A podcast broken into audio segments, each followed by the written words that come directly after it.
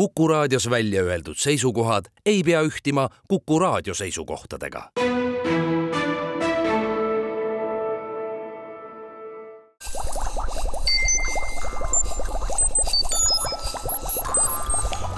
kukkuv õun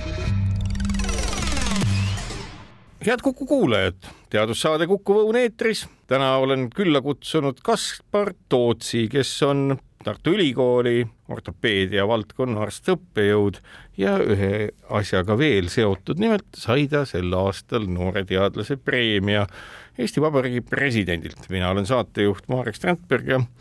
Kaspari vist kirjutas Tartu Postimehes täiesti uskumatult huvitava loo. ma saan aru, et sinu arstitee algas juba kaheteistaastaselt, kui pidid oma isa ketasaega puruks läinud kätt õmblema noh, ütleme natukene liialdades võib nii öelda küll ilmselt. aga jah. kui ei liialda, mis see täpselt siis oli no selles mõttes arstikarjääriks on seda, seda või arstikarjääri alguseks on seda palju nimetada, aga aga jah, ütleme maal sai nii, sai nii tehtud, et kuna kõik vajalikud instrumendid ja oskused olid mu isal ka olemas, siis äh, tema juhand, juhendamisel said need asjad ära tehtud. kui palju see äh, üldse ta..., kui palju see määras, et sa läksid siis hiljem, mõned aastad hiljem Tartu Ülikooli arstiteaduskonda õppima? no ma arvan, et see otseselt ei määranud, see pigem äh, kogu see kodune, kodune õhkkond ja, ja selline meditsiini teadmiste käepärasus ja, ja ikkagi see, et, et see oli ka lapsest peale juba jututeemadeks vanemate vahel ja, ja, ja et see meditsiin oli, jah, võib-olla oligi see, et seda kokkupuudet oli ikkagi nii palju juba vara, varajasest east. Äh, et pigem nagu see mõjutab, et eks seda, äh, seda arstiteaduskonna tudengite vahel või, või, või arstide vahel ka rääkides kuuleb, et, et väga palju ikkagi see arstiõpe äh, kulgeb perekondades, et kui on vanemaid, siis, siis ka lastel on suurem tõenäosus sinna samale rajale sattuda. vähemalt siiamaani on see nii olnud, ega ma ei tea, kuidas tulevikus. mõnes mõttes nagu näitlejategi, mille, kelle puhul ka sellised plejaadid tekivad, aga nüüd sellest teaduspreemiast endast ja see puudutab tegelikult ju laias laastus endoproteesimist ehk asjaolu, et kui inimese oma liigesed, kõhred või mis iganes kaadervärgid nagu kehvemaks lähevad ja ära kuluvad, siis pannakse mingisugune tehismaterjalist tehtud asjapuu sinna asemele kui vana üldse on, ütleme selline endoproteesimine, tehismaterjaliga või kunstliku materjaliga siis luu või liigese asendamine? see iseenesest on üsna, üsna vana, et esimesi katsetusi on, on tehtud igasugu huvitavate materjalidega ja on äh, kasutatud ka äh, noh, loomadelt võetud siis äh, elevandi äh, neid võhkasid, äh, sellest on äh, treitud välja ja, ja, ja noh, ka metallist on äh, erine-, erinevaid katsetusi tehtud. Äh, ja noh, ütleme, kui ma nüüd äh, tuletan meelde, siis üks huvitav artikkel, mida ma lugesin, oli, oli, kus oli kordusoperatsioon tehtud ligi viiskümmend aastat tagasi pandud siis proteesil et, et küll pool sajandit oli umbes vastu pidanud ja, ja siis alles vajas kordusoperatsiooni, et, et noh, üldiselt me Äh, meie materjalid ja operatsioonitehnika on väga palju edasi arenenud, nende korduslõikuste vajadus läheb järjest väiksemaks, aga samas on ka need operatsioonimahud ja arvud, kui palju me, kui palju me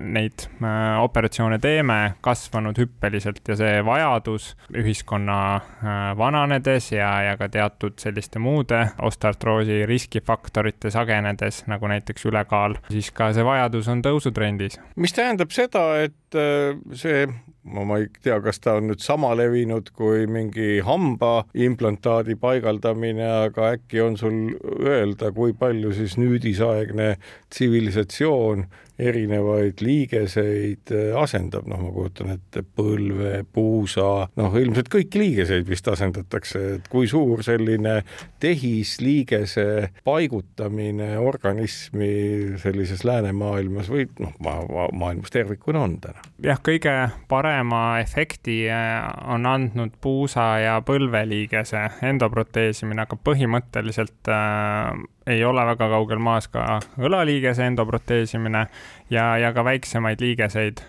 mingi aeg tagasi oli ka reumatoidartriidi, mis on siis selline põletikuline liigeshaigus, selle tõttu äh, randme ja käe ja sõrmede väiksemate liigeste proteesimine, seal on nüüd hoopis teistsuguse proteesiga tegemist. ka see endoproteesimine vajalik ja, ja sagedasem, aga praegusel hetkel on äh,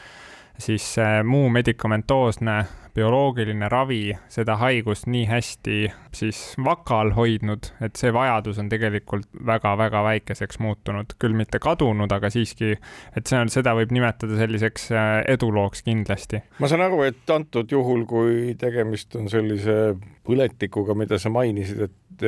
pigem, kui ma nüüd õigesti aru saan, siis autoimmuunhaigus üldsegi. ja, ja seal on. seal ei ole äh, mingit bakterit või viirust, mis seda tekitab, vaid organismi enda ja immuunsüsteem ründab organismi enda osi. just, just see on, ütleme väga-väga oluline osa selle haiguse patogeneesis ja. aga, aga nüüd selle sageduse juurde tagasi tulles, siis äh, noh, ostartroosi sagedus üldse kogu maailma populatsioonist on ligi kümme protsenti. Äh, kõik nad ei vaja endoproteesimist, aga aga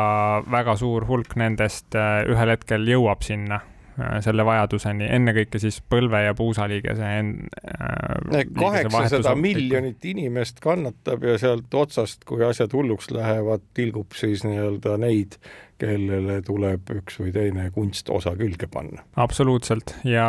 äh, ja ma kardan, et see proportsioon, see protsent ka on tõusmas, kuna ütleme, üldised trendid maailmas äh, rahvastiku selles püramiidis on sellised, et, äh, et neid eakaid inimesi pigem on juurde tulemas, mis ka vanus on siis üheks riskifaktoriks, et vanematel või eakamatel inimestel esineb seda sagedamini. ma saan aru, et ega see proteesimine üldse ju on ülioluliseks muutunud, kui nüüd vaatame küll hoopis teisil põhjusel proteesimisi, mis on siis nii-öelda liigeseproteesid, mis Ukraina sõjaga kaasas käivalt kasutusse võetakse, kui liigesed lihtsalt on amputeeritud miiniplahvatusel või muul põhjusel, nii endoproteesid kui siis need liigeseproteesidki või ma ei tea, kuidas neid nimetatakse. eksoproteesid. eksoproteesideks nimetataksegi jah, et nende arv kasvab ja ma saan aru, et nende selline tegemise peensus ja nüansirohkus on selline, et inimese elukvaliteet praktiliselt ei muutugi. kui on õigesti endoproteesitud või õigesti eksoproteesitud jäse, siis äh, kõikvõimalikud tööfunktsioonid ja eluolu on üsna lähedane sellele, mis omaenda jäsemega. Ähm, noh, ma nii optimistlik võib-olla mina ei, julge olla, et, äh, et see elu ikkagi muutub kindlasti, see sõltub ka sellest vigastusest ja, ja sellest äh, endoproteesimise vajaduse põhjusest või haigusest, ütleme siis nii. aga, aga ütleme, eesmärk, esimene eesmärk on ikkagi igapäevaelu toimetustega hakkama saada ja, ja sellist äh, noh, iseseisvat sõltumatut liikumisvõimet äh, patsiendile tagasi anda. kui nüüd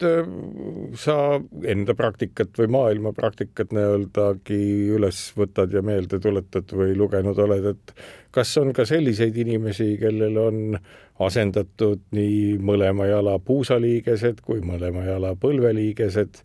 Ja võib-olla veel midagi, ma ei oska öelda, kas jalalaba juures ka midagi asendatakse või mitte ja kelle elukvaliteet on üsna lähedane sellele, mis ennem. Jah, ütleme lisaks põlve- ja puusaliigestele ka õlaliigesed, on selliseid patsiente küll, kellel on kuus suurt liigest äh, proteesitud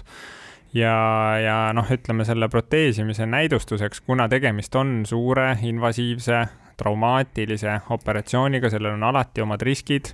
mis noh, enamus patsientidel, enamus juhtudel ei realiseeru, aga on, on neid patsiente, kellel läheb ka midagi halvasti. Ja, ja seetõttu kunagi seda, sellist suurt operatsiooni ei võeta ette kergekäeliselt, selleks on omad äh, näidustused ja, ja noh, ütleme, kui me, kui me ei usuks, et me selle operatsiooniga oluliselt paremaks teeks selle patsiendi elu siis kas valu osas või, või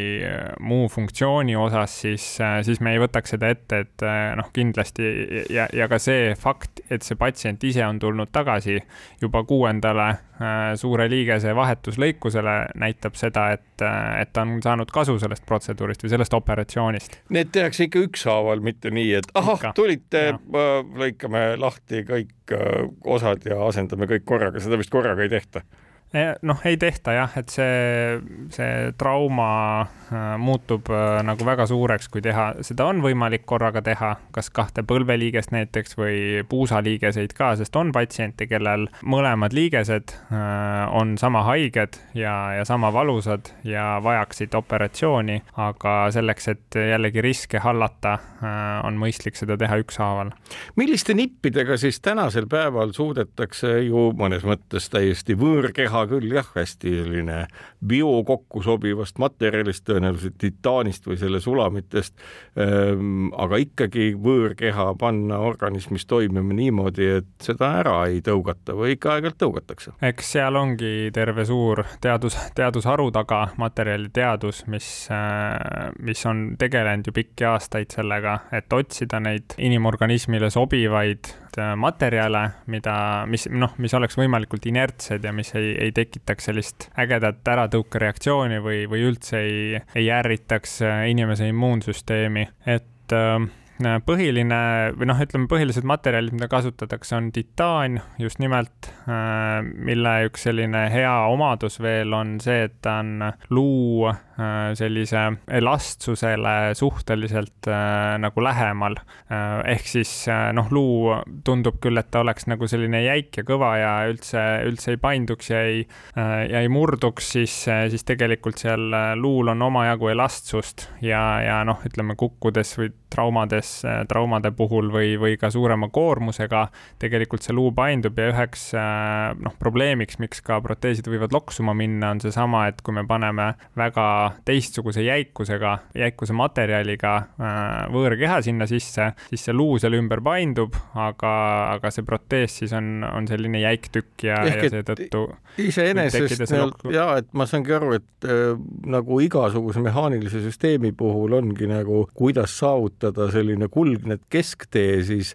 äh, igasuguste vibratsioonide ja mehaaniliste võnkumiste mahavõtmisel ehk sellesama elastsusega ja teistpidi, et sellel oleks tugevust piisavalt, et see oma raskuse ja inimese raskuse all katki ei läheks, ehk et päris niisugune keeruline insenerlik ülesanne. just, just täpselt ja sellepärast ongi ka kasutatud ja proovitud palju erinevaid materjale ja,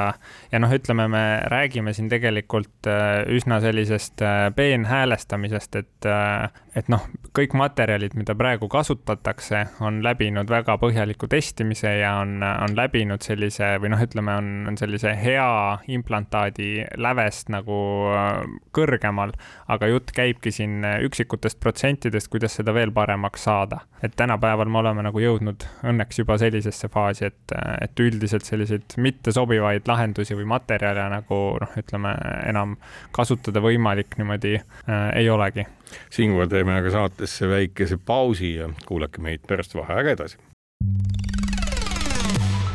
kukkuv õun. head Kuku kuulajad, Kuku Õuna teadussaade jätkub, külas Kaspar Tootsi Tartu Ülikooli ortopeedia valdkonna arst, õppejõud, mina saatejuht Marek Strandberg. meenub alati, kui räägitakse nii-öelda proteesimisest ja liigestest Eestiski tegutsenud selline inimene nagu Arnold Seppo. Äh, kui palju nii-öelda neist asjust, mida Seppo omal ajal siis liigeste vallas tegi, tänasel päeval üldse nagu kasutuses veel on või see oli lihtsalt üks tehnoloogia arendamise kõrvalharusid, mis tänaseks päevaks on hääbunud ja asendunud sootuks muude asjadega? jah, et ta on kahtlemata väga äh, väärikas äh, õppejõud või, või arst, ka ortopeed, aga, aga jah, tema välja töötatud selline implantaat, mis võib-olla on kõige kuulsam, praegusel hetkel kasutuses enam ei ole, et et, et see sellist väga laia kasutuspinda ei, ei leidnudki ja, ja praegusel hetkel on alternatiivsed, lihtsamini kasutatavad tehniliselt ja, ja paremini toimivad lahendused, mis on, mis on ikkagi domineerivad.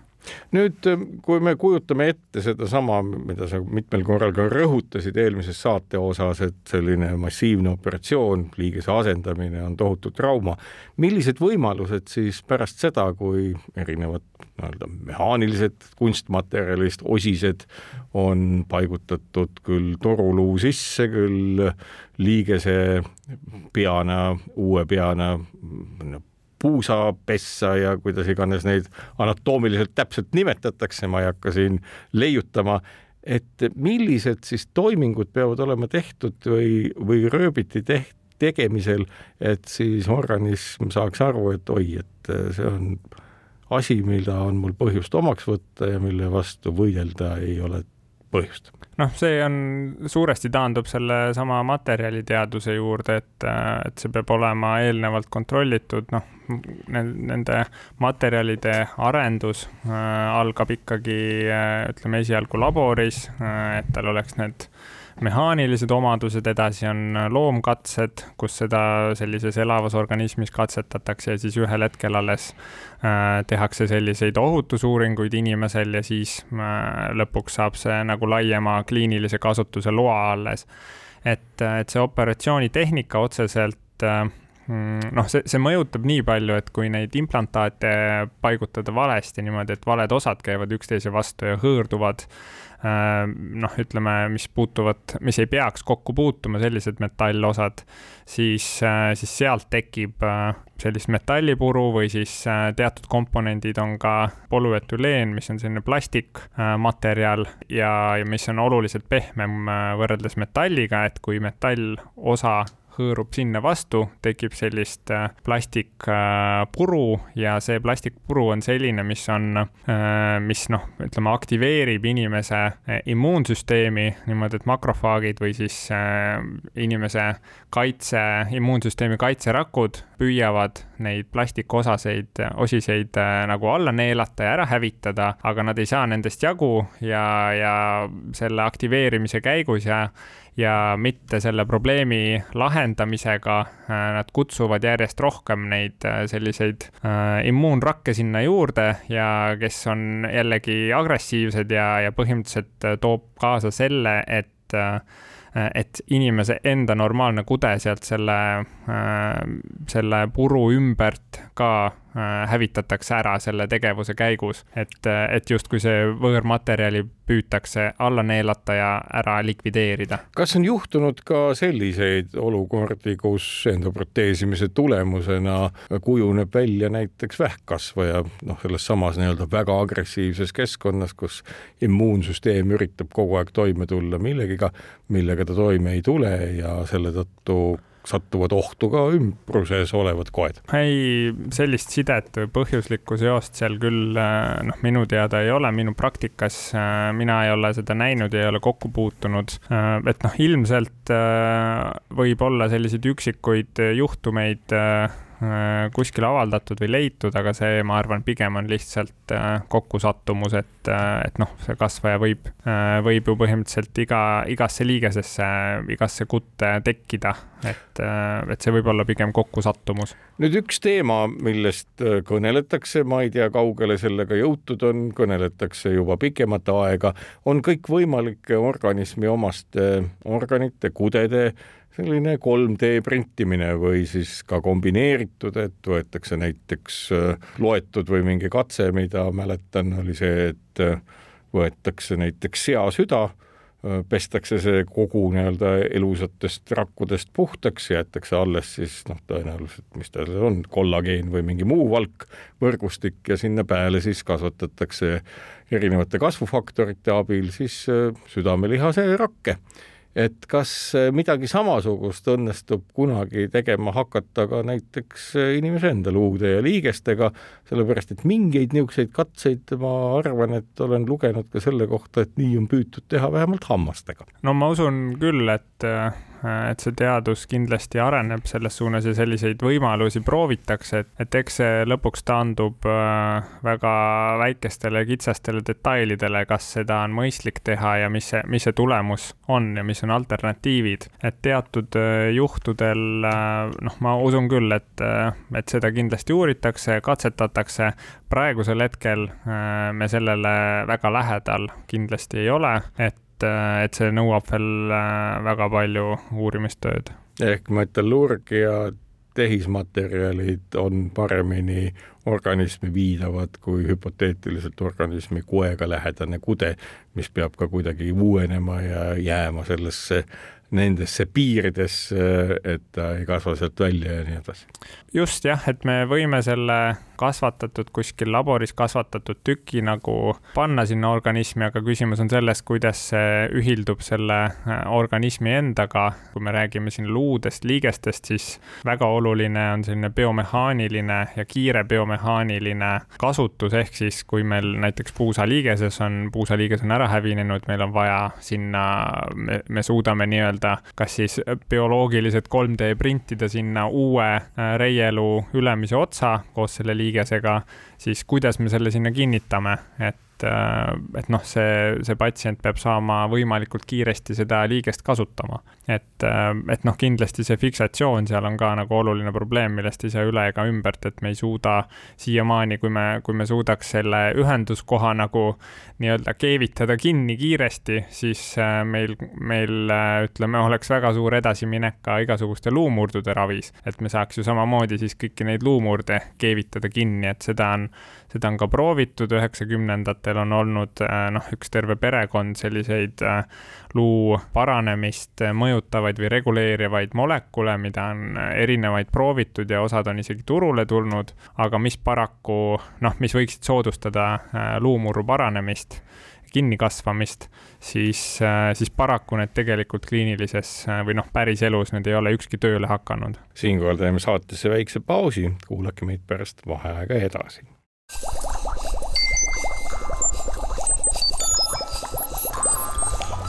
Kukkuv õun. head kuulajad, Kukkuv Õun, teadussaade jätkub, külas on meil Kaspar Tootsi, riigi presidendi teaduspreemia selle aasta üks laureaatidest ja Tartu Ülikooli ortopeedia valdkonna arst-õppejõud, mina saatejuht Marek Strandberg. üks teemade ring, millega sa tegeled, on äh, nii-öelda kuluvad elemendid inimesel luustikus, milleks on kõhred, millega kõik, kes mingit sporti harrastanud, teavad, et nii kõhred kui nende kinnituskohad on paras peavalu, ühel või teisel moel viga saades on tagajärjed üsna hullud. mida me üldse saame kõhrega peale hakata, sellepärast et ma saan aru, et ega kõhr on vist selline ähm, üsna selline habras äh, kude või organ või osa sellest, sellepärast et ega seal ju sees veresooni ei ole toitaineid saab ta kuidagi väga kummalisel moel. kui lihtne üldse on kõhre parandada või asendada meie tänases maailmas? jah, kõhrkude on tõesti selline eriline või unikaalne kude, et seal on väga palju äh, rakkude vaheainet äh,, mis on siis paigutunud äh, eri, erineva sellise mustriga, erilise mustriga ja, ja seal on suhteliselt vähe rakke, ehk siis need üksikud rakud, mis seal on elus, need, need siis nagu vastutavad kogu selle kõhrega uuenemise ja paranemise, paranemise eest. Ja kui tekib äh, mingisugune kahjustus sinna kõhrkoesse, siis, äh, siis see hüaliinkõhr, mis on äh, liiges, liigestuvatel pindadel, katab seda liigestuvat pinda ja tagab kogu selle sellise libeduse ja kongruentsuse või siis kahe liigest liigestuva pinna omavahelise täpse sobivuse, äh, siis selle taastamine või taastumine on äh, noh, väga aeglane ja keeruline ja suhteliselt halvasti äh, toimuv protsess et äh, kahjuks ei ole ka olemas selliseid väga-väga häid ja lihtsaid toimivaid lahendusi, et me näiteks süstime midagi sinna liigesesse ja see kõhre defekt äh, või auk seal kõhre pinnas siis äh, kasvab ise täis. et äh, teatud juhtudel see taastub ja ka kõige sagedamini see ikkagi paraneb või täitub osaliselt ja sellise armkõhrega, mis, mis nagu ütleme, biomehaaniliselt ja elastsuselt ta ei ole täpselt samasugune nagu see inimese enda kaasasündinud või arenenud hüaliinkõhr. väga mitmel puhul on ette jäänud sama asi, et äh, tüvirakud, mis on siis äh, nii-öelda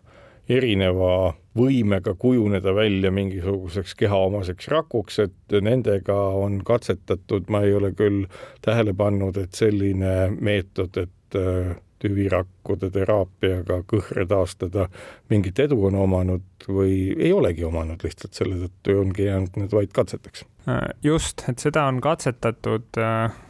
seda on katsetatud erinevaid metoodikaid, äh, aga noh, probleem ongi selles, et me saame selle tüviraku kätte patsiendi enda või organismi enda omase tüviraku, noh, seal ei ole mingisugust äratõukereaktsiooni või, või selle raku hävitamist, sellepärast et see on võõras rakk ja me saame ta ka viia sinna kahjustuse kohta aga meil äh, on väga keeruline tekitada sellist mikrokeskkonda, kus oleks need õiged äh, signaalmolekulid, mis suunaksid selle tüviraku äh, diferentseeruma või siis arenema selleks kõhrerakuks, antud juhul siis mida me tahame. et, et me saame justkui kõik asjad sinna viia kohale, ehitusmaterjali, aga probleem on selles, et kuidas, kes oleks ehitusmees, kes selle siis nii-öelda mõõdab ja lõikab õige kujuga ja paneb õigesse kohta. et see on see kõige suurem probleem. aga kuidas siis on, et kas põhimõtteliselt, kui kõhred on viga saanud ka natukene, tuleb lihtsalt oodata, kuni nad veel rohkem viga saavad ja siis endoproteesida kunstmaterjalide abil kogu liiges või on siin mingisuguseid võimalusi ka olemas? Äh, jah, ütleme, on alternatiive, siin mängib suurt rolli see, et kui vanaga patsient on, et kui tegemist on noorema patsiendiga ja tal ei ole välja kujunenud osteartroosi,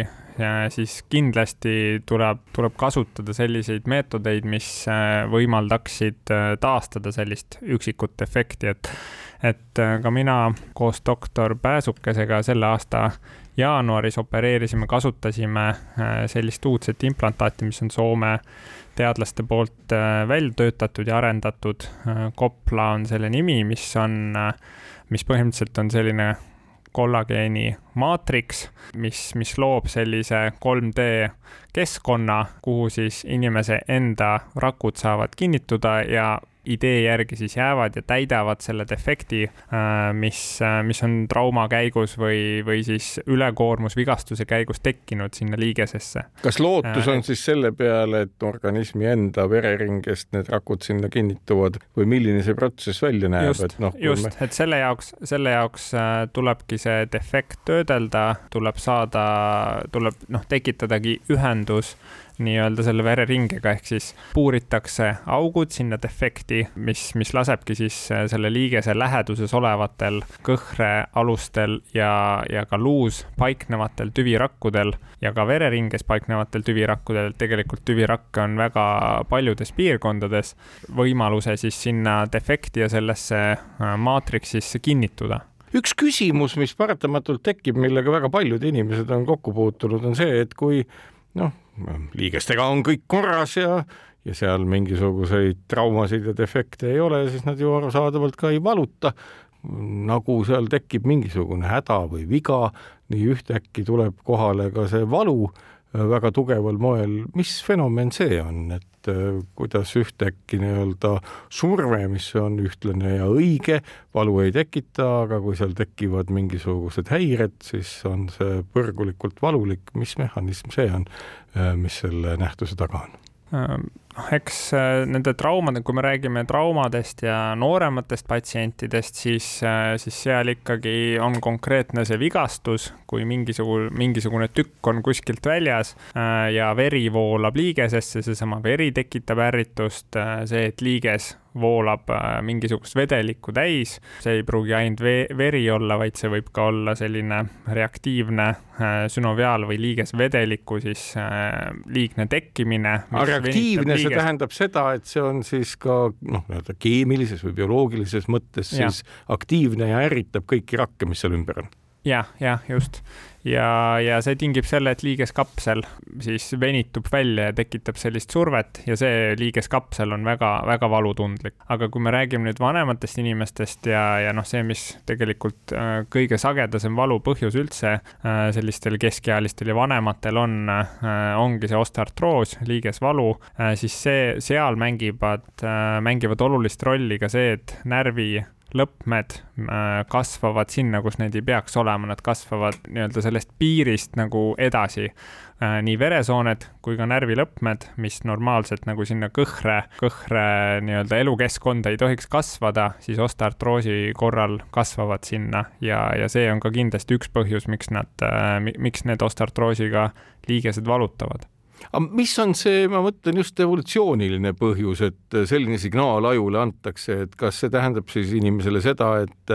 kui sa nüüd liigutad ennast, et siis on tulemus aina hullem või on ikkagi niimoodi, et liiges peab liikuma isegi sellise haiguse puhul ja siis ikkagi liikuv liiges püsib paremini elus kui muul puhul, et kuidas selline huvitav evolutsiooniliselt väga vastakalt tõlgendatav signaal inimesse üldse tekib ja noh, kui võib küsida, mis selle mõte on noh, see siin, siin ma saan ainult äh, pakkuda oma teooriat. ja palun, see vastust, on huvitav. vastust kellelgi ei ole, vastust kellelgi ei ole, aga, aga noh, äh, minu jaoks on loogiline seletus see, et, et selle evolutsiooniline mõte on ikkagi seotud selliste traumade ja ägedate vigastustega, et, et kui äh, noh, mis iganes vanasti siis äh, mingisugust looma jahtides tekkis see vigastus, siis äh, see valu on ikkagi puhtalt seotud kaitse kaitsereaktsiooniga. et tuleb et nagu tähendab, rahu anda tuleb, liigesele, jah? just, just, et tuleb äh, nüüd ära lõpetada selle looma tagaajamine, tuleb anda rahu ja anda aega paranemiseks. aga, aga kui me nüüd hüppame tänapäevasesse keskkonda ja ühiskonda, kus see valu tekib pigem äh, vanemaealistel, siis ma arvan, et siin äh, nagu evolutsiooniga ei ole väga palju pistmist, et see on lihtsalt puhtalt haiguslik protsess ja sellel mingisugust väga kaitsvat toimet ei ole, sest et paljudel juhtudel osteartroosi või osteartrootilise liigesega on nii, et kui me saaks ainult valu ära võtta, siis see tegelikult mehaaniliselt või biomehaaniliselt nagu kannataks kõndimist küll, seal ei ole kõhre vahel liigestuvatel pindadel, seal käib luu vastu luud, aga see, selle selle liigesega noh, mõistliku koormuse käigus ei juhtu mitte midagi, et ma see just, luu tegelikult kannatab. ma mõtlen seda, et ju igasuguseid imetabaseid nii-öelda neuroloogilisi operatsioone tehakse küll, mingisuguseid spasmilisi jäikusi likvideeritakse sellega, et mõni lihasesse minev närvikimp lõigatakse väga täpselt läbi, et kas midagi samasugust siis ei saa teha liigestega lihtsalt nagu enese ja kuulaja harimiseks? Äh, noh, saab ja teatud liigestel ka kasutatakse selliseid, äh, selliseid lahendusi, aga, aga kõik, ütleme, see liigese innervatsioon või see valutundlikkus, äh, see, noh, see ei kulge üheski piirkonnas ainult mingisuguse ühe kindla närvi kaudu et seal on alati selline võrgustik, sellel on ka evolutsiooniline põhjus, et, et kui vigastus on noh, ühes piirkonnas, siis ei kaoks nagu kogu, kogu tundlikkus sellest piirkonnast ära, vaid see on alati äh, nagu jaotatud mitme erineva närvi äh,, närvikanda see innervatsioon ja, ja see tähendab, et kui me tahame sellist äh, ainult valutundlikkust ära võtta, siis me, siis me selle denervatsiooni või närvi äh, ise tahtliku läbilõikamisega äh, võime kaotada ja kaotamegi teatud puhkudel siis ka muid funktsioone noh, mis ei ole aktsepteeritav, kui me näiteks äh, mingite lihaste liigutamise võime või kontrolli ära kaotame. siinkohal teeme saatesse väikse pausi, kuulake meid pärast vaheaega edasi. kukkuv õun head kuulajad, Kuku Õuna teadussaade jätkab külas Kaspar Tootsi, kes on selle aasta Vabariigi Presidendi teaduspreemia, noore teadlase preemia saaja, kes on Tartu Ülikooli ortopeedia arst-õppejõud, mina saatejuht Marek Strandberg. selle eelmise osa lõpuks, et ma saan aru, et siis kõige mõistlikum on ikkagi kuulata väga sageli arsti poolt antavat nõuannet ja lihtsalt kasutada õiges koguses valuvaigisteid, et nagu normaalselt edasi liikuda, et mingit muud imelahendust seal polegi noh, teatud juhtudel kindlasti jah, see sõltub väga sellest haigusest, probleemist, aga, aga noh, kindlasti tasub arsti soovitusi kuulata ja kuulda võtta. Nüüd üks asi veel, mis äh, maailma ju vaatamata sellele, et needsamad äh, liigestega seotud põletikud vahel on omaenda organismi ülereageerimisest autoimmuunsed põletikud, äh, on ka neid, kus ikkagi inimest ründab mingisugune tõsine haiguse tekitaja, bakter näiteks, kes on muutunud ühe või teise või praktiliselt kõikide antibiootikumide suhtes, mis teada, täiesti ükskõikseks. milliseid ravimeetodeid tänasel päeval selles valdkonnas on olemas, olen lugenud, et äh, aina rohkem ja rohkem arutatakse selle üle, et välja töötada või ka loodusest leida siis spetsiifiliselt baktereid söövaid ja kahjutuks tegevaid viirusi just bakteriofaagid on need viirused, kes siis äh, bakterite sees äh, elavad ja paljunevad. kui bakterid äh, on paljunevad ja võivad pahandust tekitada inimeses, siis, siis need viirused, bakteriofaagid on täpselt samamoodi, kontrollivad bakterite erinevaid populatsioone ja mõjutavad neid ja, ja noh, kui me nüüd ütleme, paneme selle inimese konteksti, siis inimeses on kümneastmel kolmteist rakku umbes äh, suurusjärgus, siis enam-vähem samas suurusjärgus on ka baktereid äh,, kes on noh, ühesõnaga me, me koosneme sama, samast hulgast bakteritest kui enda rakkudest. ma küsin täpsustuseks, et äh, nüüd on see võimalus. no me mhm. teame, et neid teisi baktereid on meil seedekulglas, me teame, et teisi baktereid elab meil nahapinnal. kas ma saan aru, et tegelikkuses on olukord ka selline, et põhimõtteliselt need bakterid elenu, elunevad kõigis kudedes, liigestes, luudes ja kõikjal või? ei, inimese organismis sees neid ikkagi on noh, väga-väga palju vähem. Neid seal vahepeal, vahepeal esineb ka haiguslikes protsessides, neid võib sattuda, aga enamus organismist on ikkagi noh, bakterite vaba, nad pigem paiknevad sellistes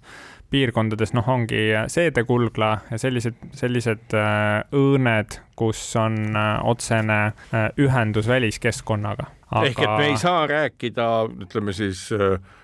liigese või luuümbrise mikrobiomist, seal ei ole mitte kedagi teist peale organismi enda rakkude. jah jah, seal ei peaks küll olema kedagi teist. aga kui nende bakteriofaagide juurde tulla, viiruste juurde, siis neid tegelikult on isegi kuni kümme korda rohkem inimeses kogu aeg, see on võib-olla selline vähe, vähe teada fakt, aga tegelikult ka bakteriofaagid kuuluvad, kuuluvad meie normaalse koosluse hulka ja, ja viimastel aastatel on, on nad väga palju tähelepanu ja huvi püüdnud just nimelt, kuna nad on ka otseses seoses äh, nende samade bakterite, bakterite populatsioonide ja, ja, ja selle kontrollimisega, et kui palju, missuguses koosluses meil on äh, näiteks baktereid äh, seedekulglas. ehk et inimene ikkagi sellises nüüdisaegses vaates ei ole mitte organism, vaid ikkagi pigem selline ökosüsteem, kus organism moodustab sellise karkassi, mille peal, ma saan aru, on kümme kolmeteistkümnendas äh, astmes veel äh, kõikvõimalikke baktereid ja lisaks, kui palju rohkem, kümme korda rohkem, kümme astmel. kümme korda rohkem. ja kümme astmel neliteist siis kõikvõimalikke viirusi, kes neid baktereid siis ühel või teisel moel kantseldavad. just, põhimõtteliselt võib, võib nii mõelda küll ja, ja vaatamata sellele on jätkuvalt võimalik siis välja mõelda, konstrueerida ja kasutusse võtta siis bakteriofaage, millised on viirused, kes siis või mis siis, kuidas iganes öelda, on suutelised siis veel mingeid spetsiifilisi baktereid, mis siis tekitavad põletikke, millest inimene antibiootikumidega lahti ei saaks, neid hävitada. jah, et äh, kui me räägime sellest bakteriofaagide sellisest äh, kliinilisest kasutamisest või raviotstarbel kasutamisest, siis äh, see on tegelikult üle saja aasta vana, et see on äh, väga vana, väga vana teadmine, kuskil tuhat üheksasada seitseteist Terel äh, Prantsuse selline mikrobioloog seda esimest korda kirjeldas ja pani ka nime tegelikult bakteriofaag ehk siis bakterite sööja kreeka keelest. Ja Äh, selle kusjuures äh, mingite selliste kirjutiste järgi on äh, tuvastatud, et selle pakkus välja tegelikult tema naine, aga, aga see selleks, et et äh, see avastamislugu on ka oma, omamoodi huvitav lugeda, aga, aga siis tegelikult paar aastat pärast seda avastamist ja nimepanekut juba, juba kasutati düsenteeria korral raviks seda, et tegelikult väga kiiresti jõuti sellise päris ravini, aga see siis, kui avastati penitsilliin ja antibiootikumid, siis see kasutamine äh, on nii palju mugavam ja lihtsam ja toimivam, et kogu see bakteriofaagide uurimine ja, ja kasutuse, kasutusele võtmine äh, läks tagaplaanile, sest et alguses olid antibiootikumid ülimalt efektiivsed, neid oli vähe, aga nendest piisas ja see kogu see ravi kvaliteet nagu noh, ütleme nendest põletikest saadi väga-väga lihtsalt äh, kuni, kuni selle hetkeni, kui bakterid õppima hakkasid ja kohanema. just, et, et eks me antibiootikumide kasutamisega oleme seda äh, evolutsiooni ise mõjutanud, et äh,, et ellu jäävad need, kes on äh, kohanenud äh, keskkonnaga, kus äh, esineb antibiootikume ja, ja me ise valime nii-öelda neid resistentsemaid tahes-tahtmata. me lihtsalt nüüd viimastel aastatel Äh, oleme jõudnud, äh, on, on see võib-olla ületanud sellise kriitilise läve, et see on saanud nagu ka kliiniliseks probleemiks. Õnneks Eestis on äh, praegusel hetkel see seis väga hea, aga Lõuna-Euroopas, Ameerikas, kus antibiootikumid on väga lihtsasti kättesaadavad, äh, ehk siis patsiendid kasutavad ka seda, inimesed kasutavad seda mitteotstarbeliselt, ehk siis neid antibiootikume on rohkem keskkonnas, ehk siis äh, rohkem me selekteerime välja neid baktereid, kes oleks resistentsed, siis, siis seal on see oluliselt suurem probleem kas nüüd ka bakteriofaagi ravi, noh, kuigi ma saan aru, Eestis see nii suur probleem ei ole, et me seda kasutama peaksime, aga kas selles valdkonnas on siis äh, ma ei kujuta ette, kas siis olemas mingid farmaatsiaettevõtted, mis juba selliseid bakteriofaage toodavad ja arendavad spetsiifiliste bakteritüvede vastu või on siin endal Eestis käimas mingid põhjalikud uurimistööd, kuidas selliseid baktereid söövaid viirusi üles ehitada? et praegusel hetkel jah, kliinilises kasutuses Eestis bakteriofaage ei ole, küll aga Euroopa Liidus on selliseid äh, keskuseid, kus on äh, vastavalt, noh, seal tuleb, seal tulevad tulevad mängi, mängu päris keerulised äh, regulatsioonid, et äh, me Euroopa Liidus ei tohi kasutada mingisuguseid äh, suvalisi, suvalisi lahuseid inimese ravimiseks, vaid need peavad olema toodetud ja, ja nende puhtus ja toime peab olema dokumenteeritud väga kindlate selliste protokollide järgi. Ja, ja seetõttu, kuna bakteriofaagide sellist biopanka, kus need erinevad uuritud, puhastatud bakteriofaagide sellised kogumid oleks, on äh, väga vähe Euroopa Liidus, siis meil äh, nende kasutamine on äh, suhteliselt keeruline ja piiratud küll aga selles suunas äh, käib päris vilgas töö, ka meie oleme kaasatud sinna. Ja, ja kindlasti noh, eesmärgiks on ikkagi äh, tagada see, et me ka Eestis saaksime kasutada seda, sest et äh, need resistentsed infektsioonid, kus antibiootikumid ei tööta, selline põletik on tekkinud, neid esineb Eestis harva, aga siiski esineb ja, ja on näha, et tulevikus neid võiks sagedamini ja sagedamini esineda, sest et, et, et ka see, kui, kui need resistentsed bakterid on, on lõunamaades, siis ei tähenda, et nad äh, siia ei reisiks koos inimestega, kes käivad seal puhkamas näiteks. aitäh, Kaspar Tootsi, et said tulla Kuku Õuna saatesse kõnelema erinevatest ortopeedia aspektidest. veel kord palju õnne noore teadlase preemia saamise puhul. Ja sellega on Kuku Õuna sellenädalane saade läbi, kuulake meid jälle täpselt nädala pärast ja kaunist päeva teile!